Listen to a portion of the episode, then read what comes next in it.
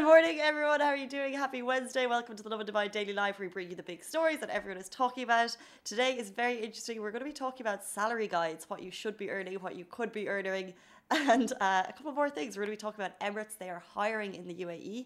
If you've ever like coveted a position to like fly up and see the world, now might be the time to apply. And we're also talking about the most dreamy wedding dress you could imagine. Michael Cinco, of course, is the creator behind it. We're going to show you that video in a second. It's just like wedding goals. But first of all, I want to talk to you about salary guide. So this is the Michael Page UAE salary guide for 2020.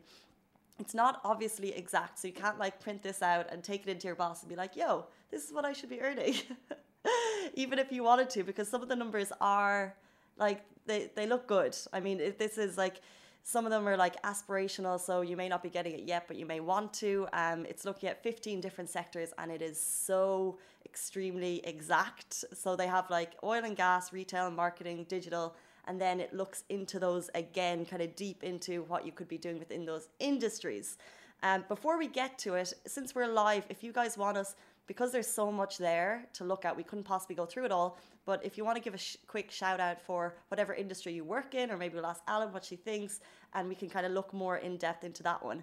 Um, but before we get to it, I just want to let you know that 80% of people surveyed are positive about the job market in the UAE, which I think is really cool. And also 40%, 42% would consider leaving their company if they didn't find growth opportunities there, which I think is interesting. It means that 42% are not lazy, you would move on to the next job, and the other 60% are, are very happy to stay where they are, which I get that too. I mean, it's hard to leave your job.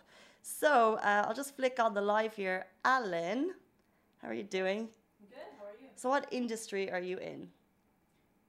Media. Media. Okay, they actually don't. They have, they have everything, guys, except for media and hospitality. I've noticed is not there as well. But how about digital, technology, retail, HR? Let's say digital. We'll look at digital. We'll take a little deep dive into digital, what you could be earning. And I actually did like a short one here. Okay, so if you're in digital marketing, which a lot of people in the media industry are close to, when you kind of start off, you're getting between 12 and 18k, which is a good start off salary, I think. I think that 18 as a start off sounds sounds very good. Okay, Sounds so, magical. yeah, it, that sounds kind of magical. Um, let's just okay. So that's if you're getting a startup salary. Then if you go to an account manager, you're still getting 12 to 18k. Social media manager, if you know anyone who's a social media manager, go and give them a hug because apparently they're getting between 18 and 26k. Oh, wow. And then it goes all the way up if you're a growth hacker, which is pretty interesting, cool job. You could be getting between 20 and 30k. Social digital marketing manager is getting 30 to 50k. And then the head of digital marketing. So if you're at a company and you've got digital marketing, there's the head of it. Apparently they're getting between 35 and 60k. So that just shows, and that's a month, and it just shows you from like bottom to the top. Even the bottom in digital marketing is quite low. Should we be Bottom to the moving? Should we be moving I careers? think we're in the wrong industry. We may be in the wrong industry. Guys, we'll, um, we're going to move on to our next story, but if you have anyone that you would like us to check uh, in those kind of 15, let me just go through what they have oil and gas, healthcare, human resources, legal, retail, sales and marketing, secretarial. We can go back to it at the end of the live if you want us to look. Otherwise, we'll just leave the link in the live in the comments below. Moving on to our next story. This is another job offer, guys. So if you learned that your salary is not what it should be and you're thinking of a career switch, Emirates announced yesterday that they're hiring. And this is really cool. So what Emirates do is they actually go to different cities around the world. They have a very international team, which I'm sure if you've ever flown on them, you know about. And they uh, they look for applicants. So here in Dubai, they've just announced that they're looking for open-minded applicants who are helpful, friendly, and of course, service-orientated personalities. You have to be able to service with a smile is key. I think. Um, let's say they get all of the perks and benefits, but you also have to dealing with all of those people. So it's it looks glamorous and it is glamorous, but uh, if you have any thoughts on the role, it may not be. It, it's like it's it's it's it could be good and bad. I think it's both. Let me know what you think about it. First of all, first of all, you need to be 21 years of age.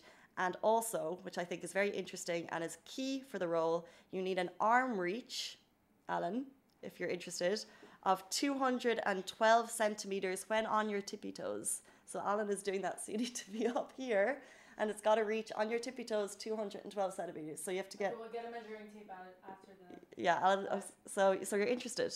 Uh, maybe. Actually, I'm, I'm afraid of flying, but if they pay well, I mean. Well, we don't have the salary, but the perks for the job are very, very good. So, of course, you get free accommodation in Dubai, which is awesome.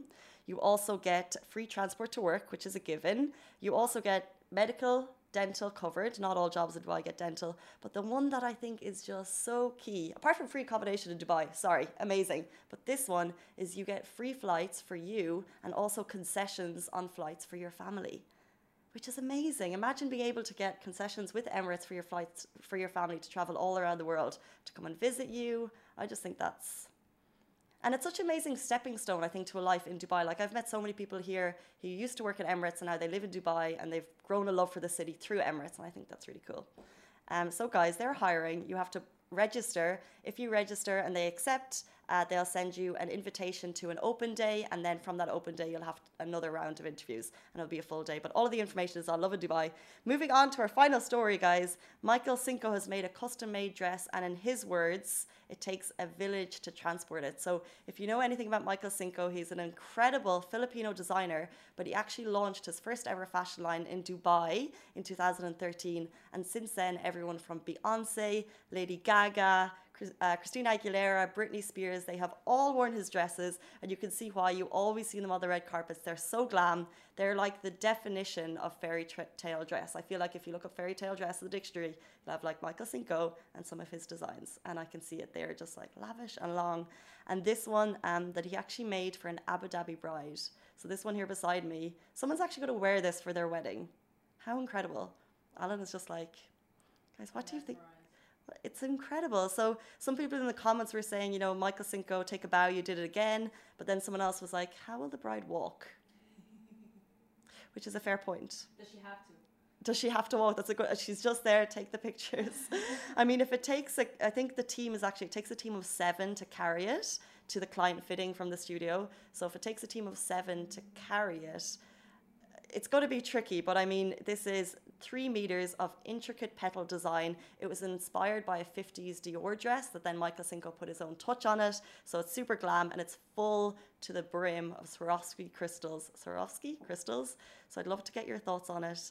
Um, I mean, dream dress? Not for me, but it's, it's definitely incredible.